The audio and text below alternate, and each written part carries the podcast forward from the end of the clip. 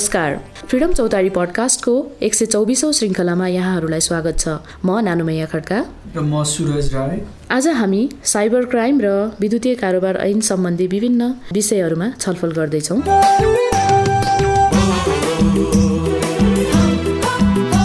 हामीहरू सबैलाई थाहा नै छ सूचना प्रविधि र इन्टरनेटको विकास सँगसँगै विभिन्न नयाँ अवसरहरू पनि सृजना भएका छन्। त्यसै गरी यसले हाम्रो जीवनलाई पनि निकै सहज बनाएको छ। यद्यपि यही सहजता हुँदाहुँदै सूचना प्रविधि र इन्टरनेटको विभिन्न चुनौतीहरू पनि हामीले देख्दै आइरहेका छौँ। जस्तै साइबर क्राइम। साइबर क्राइमका घटनाहरू भनेका हामीले दिनहुँ जसो धेरै नै सुनिरहेका हुन्छौँ। र साइबर क्राइम भन्नाले विद्युतीय सञ्चार माध्यमको प्रयोगबाट गरिने अपराधहरूलाई बुझिन्छ। होइन त सुरज? हजुर। अब यी साइबर अपराधहरू चाहिँ दुई किसिममा मूलत बाँडिएको देखिन्छ। पहिलो भनेको साइबर डिपेन्डेन्ट क्राइम र अर्को भनेको साइबर इनेबल्ड क्राइम। अब साइबर डिपेन्डेन्ट क्राइम भनेको के हो भन्दाखेरि त्यस्ता अपराधहरू जुन यी सूचना प्रविधिको विकाससँग सँगै विकास भएर गयो। जुन पहिले थिएनन् र सूचना प्रविधिको विकास भएपछि त्यसकै मिसयुजबाट त्यसकै दुरुपयोगबाट उब्जिएका अपराधहरू हुन्। अब त्यसरी नै साइबर इनेबल्ड क्राइम भनेको त्यस्ता अपराधहरू हुन् जुन कि पहिले पनि थिए हाम्रो समाजमा तर यी सूचना प्रविधिको प्रयोगबाट ती अपराध गर्न झनै सजिलो भएको छ सहजीकरण गरिएको छ। त्यस्ता अपराधहरूलाई चाहिँ हामी साइबर इनेबल्ड क्राइम भनेर बुझ्छौँ। त्यसै गरी विभिन्न देशहरूले चाहिँ यस साइबर अपराधको नियमनका लागि भनेर विभिन्न स्थानीय राष्ट्रिय अर्थात् अन्तर्राष्ट्रिय कानुनहरू पनि बनाएका रहेछन्। त्यसै गरी नेपालले दुई हजार आठमा विद्युतीय कारोबार ऐन भनेर पनि ल्याएको थियो। यो ऐन विद्युतीय कारोबारहरूमा चाहिँ नियमन गर्नलाई लिएर आइएको थियो। तर सो ऐनलाई हालै विभिन्न नागरिक पत्रकार र कलाकारहरूको अभिव्यक्ति स्वतन्त्रता र वाक स्वतन्त्रतालाई कुण्ठित गर्न पनि प्रयोग भइरहेको हामीले धेरै घटनाहरू पाएका छौँ। यसै सन्दर्भमा नागरिक समाज र प्रहरीको यस कानुनको विषयमा फरक फरक धारणा पाइएको छ। यसमा नागरिक समाजले यस ऐनको परिमार्जन हुनुपर्छ। यस ऐनले चाहिँ विभिन्न यो अभिव्यक्ति स्वतन्त्रतालाई कुण्ठित गर्ने काम गरिरहेको छ भनेर भनेका छन् भने नेपाल प्रहरीले भने यो कानुन मात्र पर्याप्त छैन। यस कानुनलाई अझ सशक्त बनाएर लिएर आउनुपर्छ भन्ने धारणा नेपाल नेपाल प्रहरीले राखेको छ। र यसै विषयमा हाम्रो यो साइबर क्राइमलाई नियमन गर्न ल्याइएको विद्युतीय कारोबार ऐनको कार्यान्वयनको अवस्था कस्तो छ र यसका चुनौतीहरू के के छन् नेपालमा भन्ने विषयमा हालै एक अध्ययन सार्वजनिक गरिएको थियो। यसै सन्दर्भमा आज हामी फ्रिडम फोरमले हालै प्रकाशन गरेको inappropriate approach to cyber crime a critical review on investigation prosecution and adjudication of hundred cyber crime cases in Nepal भन्ने प्रतिवेदनमाथि चर्चा गर्दैछौँ। सुरजी यस अध्ययनमा तपाईँ आफै नै संलग्न हुनुभएको हुनाले मेथोडोलोजी र अब्जेक्टिभ भनिदिनुहोस् न त। हजुर अब यो अध्ययन मूलत तिनवटा उद्देश्यको साथ गरिएको देखिन्छ। पहिले त नेपालमा विद्यमान साइबर अपराधहरू के कस्ता छन् त्यो बुझ्नलाई। दोस्रो विद्युतीय कारोबार ऐनको दफा सडचालिस जुन चाहिँ बढी नै विवादित छ त्यसको प्रयोग कसरी भइरहेछ? र तेस्रो उद्देश्य भनेको साइबर अपराध सम्बन्धी नीति निर्माण गर्न तथा कानुन निर्माण गर्न केही सहयोग पुर्याउनको लागि यो अध्ययन गरिएको छ। अब यो अध्ययनको केही परिधिहरू पनि छन्। पहिले त यो अध्ययन मूलत सयवटा फैसलाहरूमा आधारित छन्। दोस्रोमा ती फैसलाहरू ऱ्यान्डमली सेलेक्टेड थिए। तेस्रोमा ती फैसलाहरू बढी जसो दफा सडचालिस अन्तर्गतकै थिए। त्यसै गरी धेरैजसो फैसलाहरूमा डेटाहरू चाहिँ अनक्लियर पनि पाइएको छ। डेटाहरू अनक्लियर हुनुको अर्थ कतै पक्राउ परेको मिति क्लियर छैन भने कतै जेलमा बस्नु परेको कारागारमा बस्नु परेको समय क्लियर छैन कुन प्रकृतिको अपराध हो त्यो खुलाइएको थिएन भन्ने चाहिँ यहाँ चाहिँ परिधिको रूपमा लिएको छ र यस अध्ययनको सबै फाइन्डिङ्स र रेकमेन्डेसन चाहिँ ती सयवटा फैसलाहरूकै एनालाइसिसको बेसिसमा तयार पारिएको छ। अब यसको मेथोडोलोजीतिर ध्यान दिने हो भने यो चाहिँ एउटा क्वालिटेटिभ रिसर्च हो। जुनमा केस स्टडी मेथडको प्रयोग गरिएको थियो। यस अध्ययनका प्राइमेरी डाटाहरू चाहिँ काठमाडौँ जिल्ला अदालत र पूर्णावेदन अदालत पाटनका जम्मा सयवटा फैसलाहरूबाट लिइएको छ। यो अध्ययन तीन चरणमा गरिएको देखिन्छ। पहिलो चरणमा फैसलाहरू जम्मा पारियो। दोस्रो चरणमा ती फैसलाहरूको अध्ययन गरी त्योबाट डेटा निकालियो। र तेस्रो चरणमा ती डेटाहरूलाई एनालाइज गरेर रिपोर्ट लेख्ने काम गरिएको छ। अब यी जम्मा सयवटा फैसलाहरूमध्ये पचासीवटा फैसला काठमाडौँ जिल्ला अदालतका रहेछन् भने पन्ध्रवटा फैसला चाहिँ पुनावेदन अदालत पाटनको देखिन्छ। यी फैसलाहरू दुई हजार सडसठी सालदेखि दुई हजार सतहत्तर सालसम्मका फैसलाहरू भनेको अर्थात् एक दशकका अवधिभरिमा गरिएको फैसलाहरू हुन्। यस दस वर्षको अवधिमा महान्यायाधिवक्ताको कार्यालयको वार्षिक प्रतिवेदन अनुसार कुल सात सय उन्तिस मुद्दाहरू काठमाडौँ जिल्ला अदालतमा विद्युतीय कारोबार ऐन अन्तर्गत दर्ता गरिएको थियो भने पुनर्वेदन अदालत पाटनमा तिरानब्बेवटा मुद्दाहरू दर्ता गरिएको थियो जसमध्ये कि पचासीवटा काठमाडौँ जिल्ला अदालतबाट र पन्ध्रवटा पुनावेदन अदालतबाट यस अध्ययनको प्रयोजनको लागि स्याम्पल स्वरूप लिइएको छ। यसरी लिएका मुद्दाका फैसलाहरूलाई अध्ययन गरी विभिन्न शीर्षकहरूमा चाहिँ यी फैसलाको डेटाहरूलाई बाँडियो र ती शीर्षकहरू मूलत तिनवटा विषयमा केन्द्रित थिए।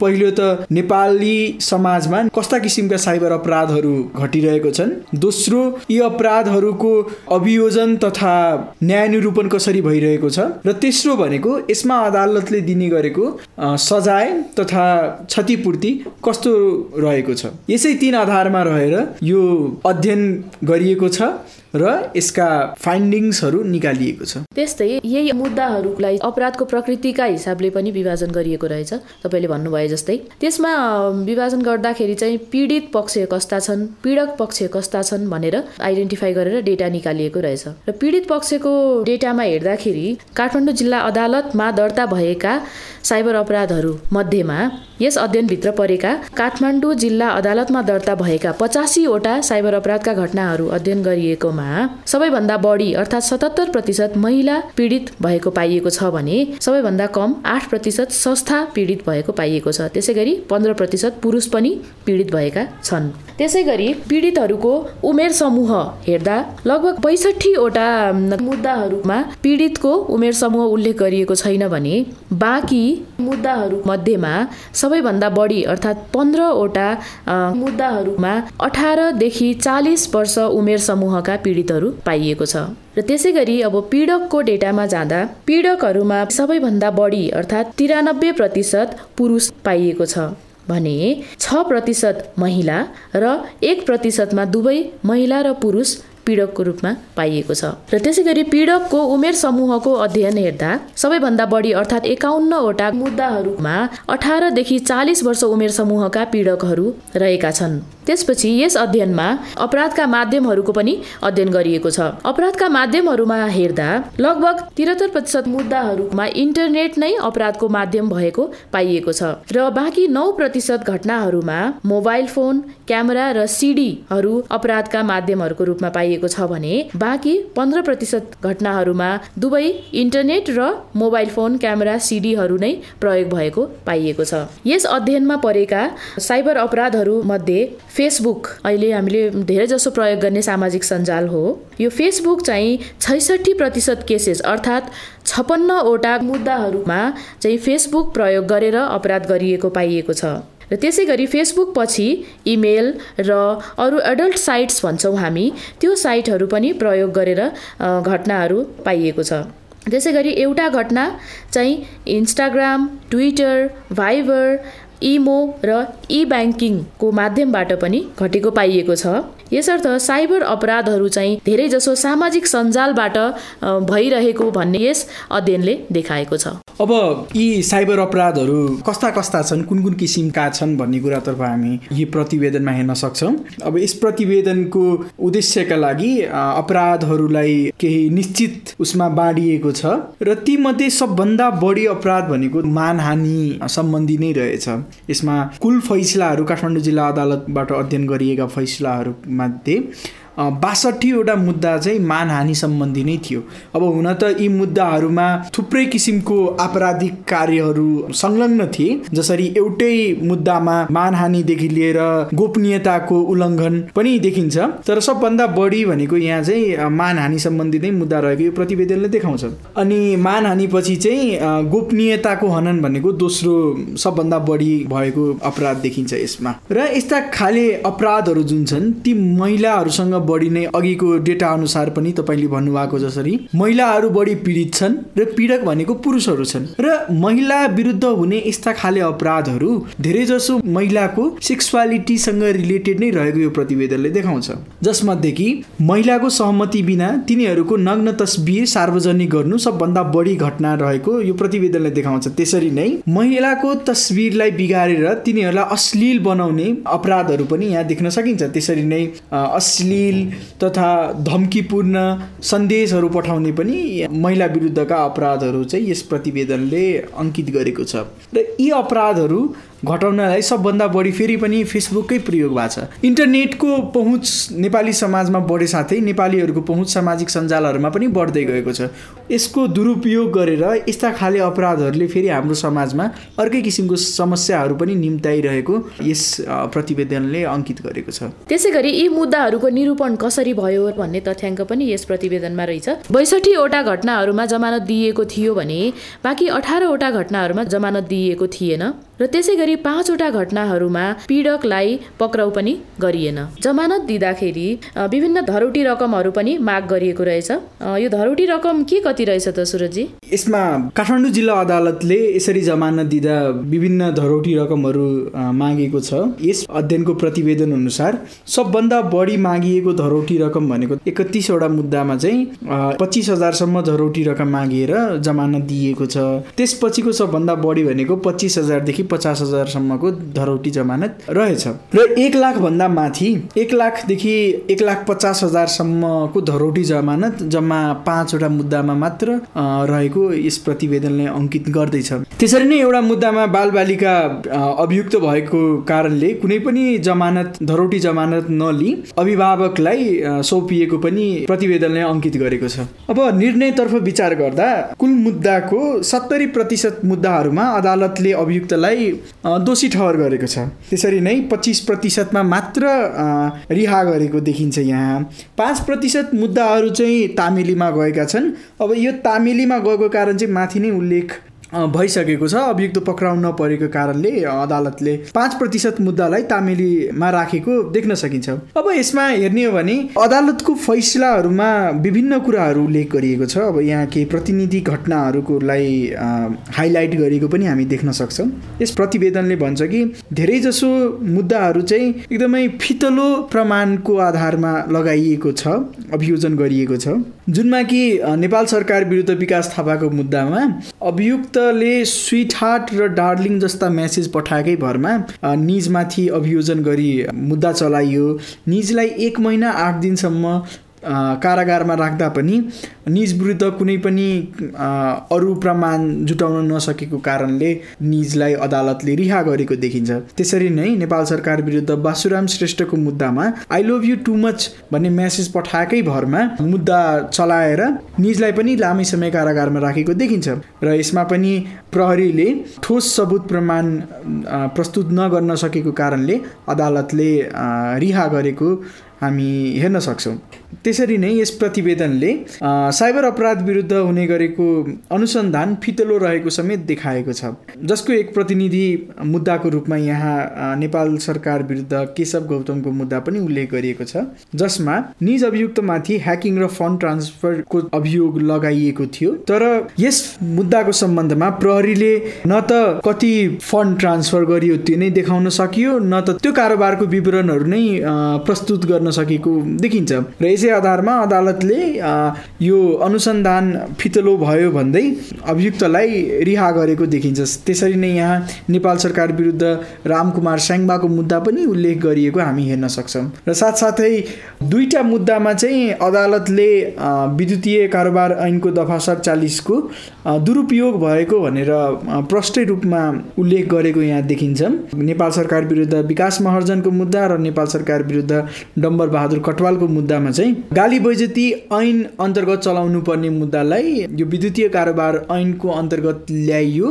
त्यो उचित होइन भनेर अदालतले फैसलामा नै लेखेको हामी देख्न सक्छौँ। त्यसरी नै अभिव्यक्ति स्वतन्त्रता सम्बन्धी मुद्दाहरूमा अदालतको विचारको एकरूपता देख्न सकिँदैन। कुनै मुद्दामा यसले अभिव्यक्ति स्वतन्त्रतालाई एकदमै प्रोत्साहन दिने गरी फैसलाहरू गरेको छ भने कुनै मुद्दामा चाहिँ यो अलि अभिव्यक्ति स्वतन्त्रताको साङ्ग्रो परिभाषा गरेको पनि देख्न सकिन्छ। यहाँ म अर्को पनि एउटा प्रतिनिधि घटना देख्दैछु सुरजी यसमा चाहिँ नेपाल सरकारको विरुद्ध अब्दुल रेहमानको मुद्दा रहेछ यो? ए हजुर हजुर। यो चाहिँ एकदमै इन्ट्रेस्टिङ पनि छ यो मुद्दा चाहिँ। यसमा के हुन्छ भन्दाखेरि नागरिक दैनिकको चाहिँ एउटा समाचार आउँछ फेसबुकमा।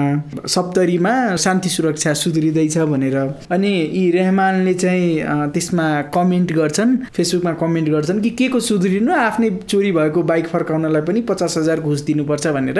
यस्तै तिनले लेख्छन्। अब उनले फेसबुकमा लेखेको त्यो कमेन्टको विरुद्ध प्रहरी स्वयं नै उनीमाथि मुद्दा दर्ता गर्छन् अनि तिनलाई पक्राउ गर्छन्। पक्राउ गरेपछि हुन अदालतले पाँच हजारको धरोटीमा जमानत त दिन्छ तापनि ऊ बिस दिनसम्म चाहिँ जेलमा बस्नुपर्ने अवस्था हुन्छ। अब यसमा काठमाडौँ जिल्ला अदालतको फैसला चाहिँ एकदमै रोचक छ। यसमा चाहिँ काठमाडौँ जिल्ला अदालतले अभिव्यक्ति स्वतन्त्रतालाई प्रोत्साहन गरेको देखिन्छ। अनि प्रहरीले चाहिँ यसरी व्यक्तिको विरुद्ध आलोचना गरेकै भरमा यसरी मुद्दा चलाउनु हुन्न। प्रहरीले आफ्नो अमूल्य समयलाई नागरिकको सेवा गर्न नागरिकलाई सुरक्षा प्रदान गर्न खर्चिनुपर्छ।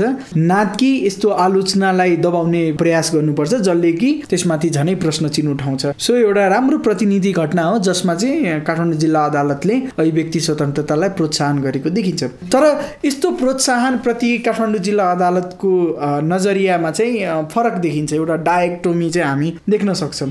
अब यसै सन्दर्भमा अभिव्यक्ति स्वतन्त्रताको सम्बन्धमा एउटा अर्को मुद्दा पनि काठमाडौँ जिल्ला अदालतमा पर्छ। अनि त्यो मुद्दा चाहिँ मानव अधिकार आयोगको तर्फबाट मानव अधिकारका पूर्व कर्मचारी कोषराज न्युपाने लगायतको विरुद्धमा दर्ता हुन्छ।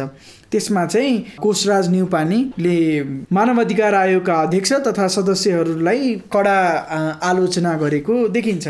र यस मुद्दामा चाहिँ अदालतले निजलाई दोषी ठहर गरेर दुई हजार को जरिवाना सजाय सुनाए। यसरी नै हामी के हेर्न सक्छौँ भने काठमाडौँ जिल्ला अदालतको अभिव्यक्ति स्वतन्त्रता सम्बन्धी फैसलाहरूमा एकरूपता चाहिँ देखिँदैन। यही नै हामीले दोहोरो निर्णय देख्यौँ नि हजुर हजुर। अब जाउँ यी मुद्दाहरूमा अदालतले दण्ड र क्षतिपूर्ति सम्बन्धमा के कस्ता सजाय सुनाएको थियो?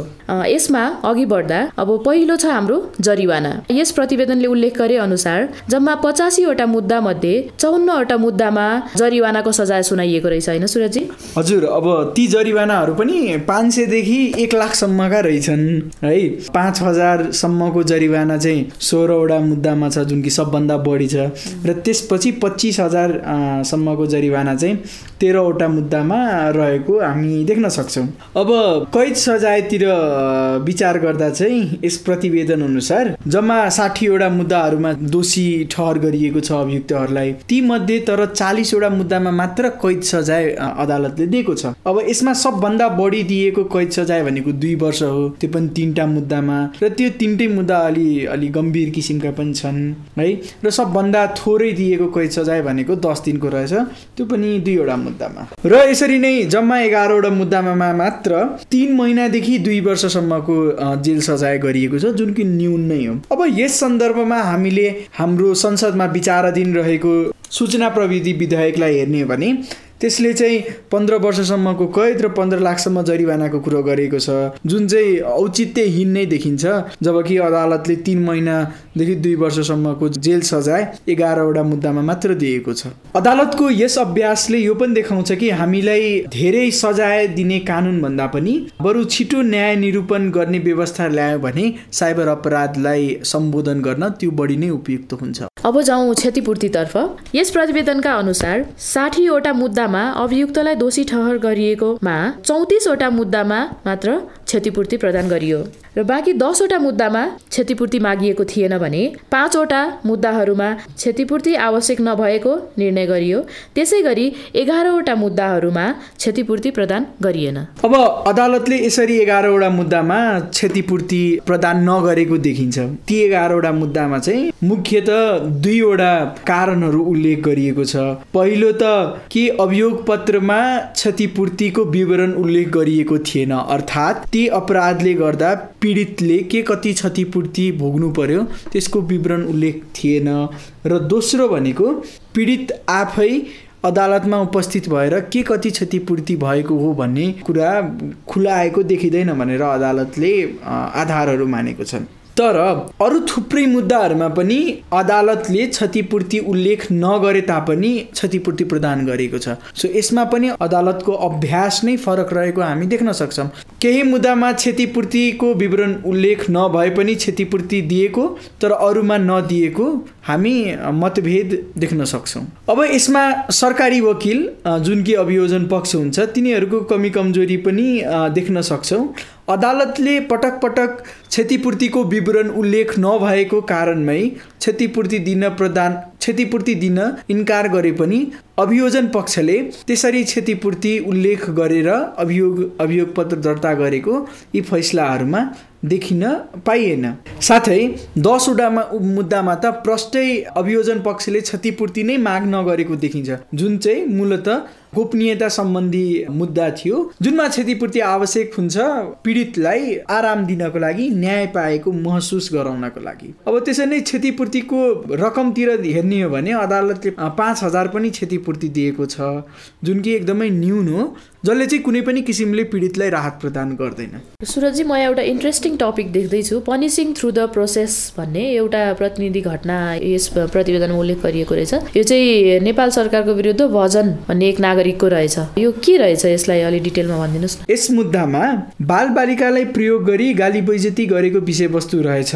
अभियुक्तलाई छ महिना आठ दिनसम्म प्रहरी हिरासतमा राखेर अदालतले अन्तिममा यस मुद्दाको विषयवस्तुले कुनै पनि ढङ्गले मानहानि नै गर्दैन भनेर फैसला सुनाउँछ। र त्यसै गरी यस प्रतिवेदनमा अर्को के उल्लेख गरिएको छ भने चौन्नवटा मुद्दाहरू जुनमा अदालतले जेल सजाय सुनाएको थियो।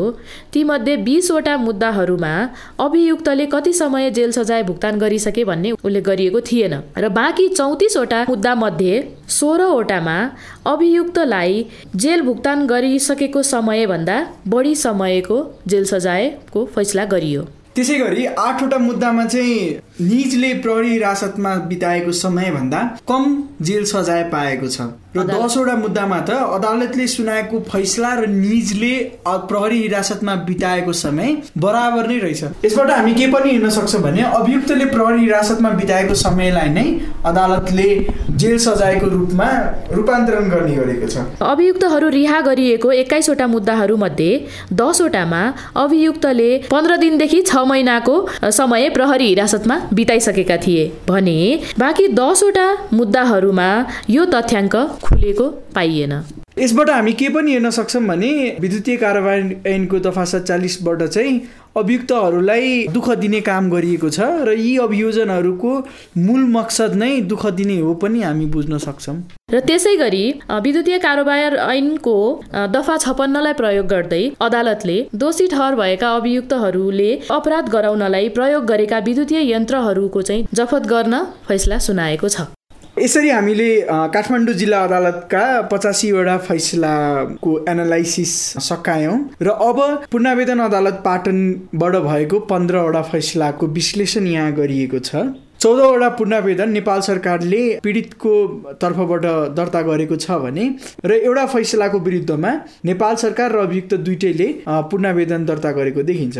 अब यी पूर्णावेदनहरू मुख्यत क्षतिपूर्ति माग गर्दै दर्ता गरेको देखिन्छ। साथै केही पूर्णावेदनमा चाहिँ अपराधको लागि प्रयोग गरिएको यन्त्र जफत गर्न र अपराध ठहर गर्न भन्ने पुनावेदनको विषयवस्तु बनाइएको थियो। यसरी क्षतिपूर्ति माग गर्दै दायर गरिएको पुनावेदनमा अदालतले जिल्ला अदालतको क्षतिपूर्ति प्रदान नगर्ने फैसलालाई नै सदर गरेको छ। यसमा पूर्णावेदन अदालत पाटनले समेत पीडितले के कति क्षतिपूर्ति भोग्नु परेको छ भन्ने कुरा अदालतमा प्रस्तुत गर्नुपर्छ भन्ने अदालतको विचार रहेको छ। एउटा पूर्णावेदनमा अदालतले पीडित स्वयं अदालतमा आई आफ्नो क्षतिपूर्तिको विवरण उल्लेख गर्नुपर्ने विचार राखेको छ। अब हामी यस प्रतिवेदनको निष्कर्षतर्फ आइसकेका छौँ सुरजी। यी मुद्दाहरूको विश्लेषणबाट यस प्रतिवेदनले निकालेको निष्कर्ष के के छन् भने महिलाहरू चाहिँ साइबर अपराधमा बढी जोखिममा रहेका छन्। पुरुषहरू पीडकका रूपमा धेरै मुद्दाहरूमा देखिएका छन्। हाम्रो विद्यमान कानुनहरूमा यस्ता साइबर इनेबल्ड क्राइम सम्बन्धी यथेष्ट व्यवस्थाहरू भए तापनि हाम्रो फौजदारी न्याय प्रणाली अन्तर्गत यी अपराधहरूलाई विद्युतीय माध्यमको प्रयोग गरेको आधारमा मात्रै यस विद्युतीय कारोबार ऐन अन्तर्गत ल्याई अनुसन्धान तथा अभियोजन गर्ने गरेको देखिन्छ। अब यस पछाडिको कारण मूलत दुईटा मात्र छन्। एउटा त विद्युतीय कारोबार ऐनले चाहिँ त्यही अपराधहरूको लागि बढी दण्ड सजायको व्यवस्था गरिएको छ र साथसाथै र ती दफालाई वृहत रूपले परिभाषित गर्न सकिन्छ। यस प्रतिवेदनले कानुन कार्यान्वयन गर्ने निकायहरू र अदालतहरूमा साइबर क्राइम सम्बन्धी बुझाइको कमी भएको देखाएको छ। र त्यसरी नै आजको यो युग सूचना प्रविधिको युग हो र यस युगमा हामी सूचना प्रविधि र अरू सामाजिक पाटोलाई छुट्याउन सक्दैनौँ। समाजमा हुने हरेक घटना कुनै न कुनै किसिमले यो सूचना प्रविधिसँग जोडिएकै हुन्छ। र सूचना प्रविधिको माध्यम प्रयोग गरेकै आधारमा हरेक अपराधलाई साइबर अपराध मान्ने अथवा साइबर कानुन ल्याएर ती अपराधहरूलाई सम्बोधन गर्ने बुझाइ गलत हो। यसमा हाम्रो विद्यमान विद्युतीय कारोबार ऐन तथा संसदमा प्रस्तावित सूचना प्रविधि विधेयक दुइटैमा कानुनले अपराध मानेका कार्यहरूलाई पूर्ण अपराधीकरण गरेको देखिन्छ। यसरी बढी सजाय हुने कानुनद्वारा ती अपराधहरूको पूर्ण अपराधीकरण गर्नुले न्याय प्रणालीको दुरुपयोग हुने सम्भावना पनि बढाउँछ। नेपालमा हुने साइबर क्राइमका मुद्दाहरूको अनुसन्धान अभियोजन र निरूपणका प्रक्रियाहरू हेर्दाखेरि यस कानुनको दुरुपयोग भएको पनि यस प्रतिवेदनले दर्शाएको छ। तसर्थ विभिन्न सम्बन्धित निकायहरूमा नागरिकहरूका लागि सुरक्षित साइबर स्पेस र न्यायको प्रत्याभूति दिलाउने जिम्मेवारी बोध हुनु पर्दछ जसका लागि पूर्ण अपराधीकरणको कुरा रोकिनु पर्यो। कानुनले अपराध भनिसकेको कार्यको पूर्ण अपराधीकरण गर्नु हुँदैन र यस्ता अपराधहरूको अनुसन्धान तथा अभियोजन सम्बन्धित कानुनको अधीनमा हुनुपर्छ। निष्कर्षपछि यस प्रतिवेदनले विभिन्न निकायहरूलाई विभिन्न सुझाव पनि दिएको रहेछ। पहिलो सुझाव चाहिँ नेपाल सरकारलाई रहेको छ जस अनुसार नेपाल सरकारले एउटा बृहत्तर साइबर सम्बन्धी कानुन बनाउनु पर्छ जसले कि अन्तर्राष्ट्रिय साइबर विधि शास्त्र अनुसार साइबर डिपेन्डेन्ट क्राइमलाई मात्र सम्बोधन गर्नुपर्छ। त्यसै गरी अदालत अर्थात् न्यायालयलाई दिएको सुझावमा अदालतमा दर्ता हुने विभिन्न मुद्दाहरूलाई विद्युतीय कारोबार ऐनको दुरुपयोग नहुने गरी सम्बन्धित कानुन अन्तर्गत रहेर निरूपण गरिनु पर्दछ त्यसरी नै प्रहरीलाई दिएको सुझाव अनुसार प्रहरीले सम्बन्धित कानुनको अधीनमा रही जाहेरी दर्ता गर्नुपर्छ। र सरकारी वकिलले साइबर क्राइमका मुद्दाहरूमा पीडितलाई क्षतिपूर्ति दिलाउनका निम्ति सक्रिय भूमिका खेल्नु पर्दछ र अन्त्यमा यस प्रतिवेदनले आम नागरिकलाई अभिव्यक्ति स्वतन्त्रताको असल अभ्यास गर्न सामाजिक सञ्जालको दुरुपयोग नगर्न र साइबर अपराध विरुद्ध सजग रहन सुझावहरू दिएका छन्।